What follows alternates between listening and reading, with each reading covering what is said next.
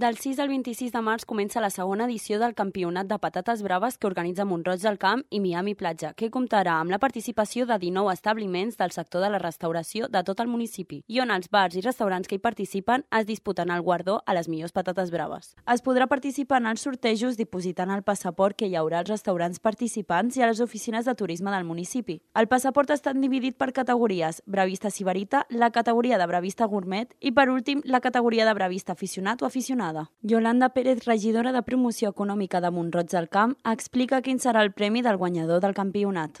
A més a més, el guanyador eh, del campionat eh, estarà present a la Fira del Vi, val? que fem a Miami, que ho fem per Setmana Santa, que són tres dies. Llavors, durant la Fira del Vi s'estaran servint les millors graves, no? que és el guanyador, doncs, estarà tres dies allà doncs, fent, fent les braves que, que han guanyat el campionat.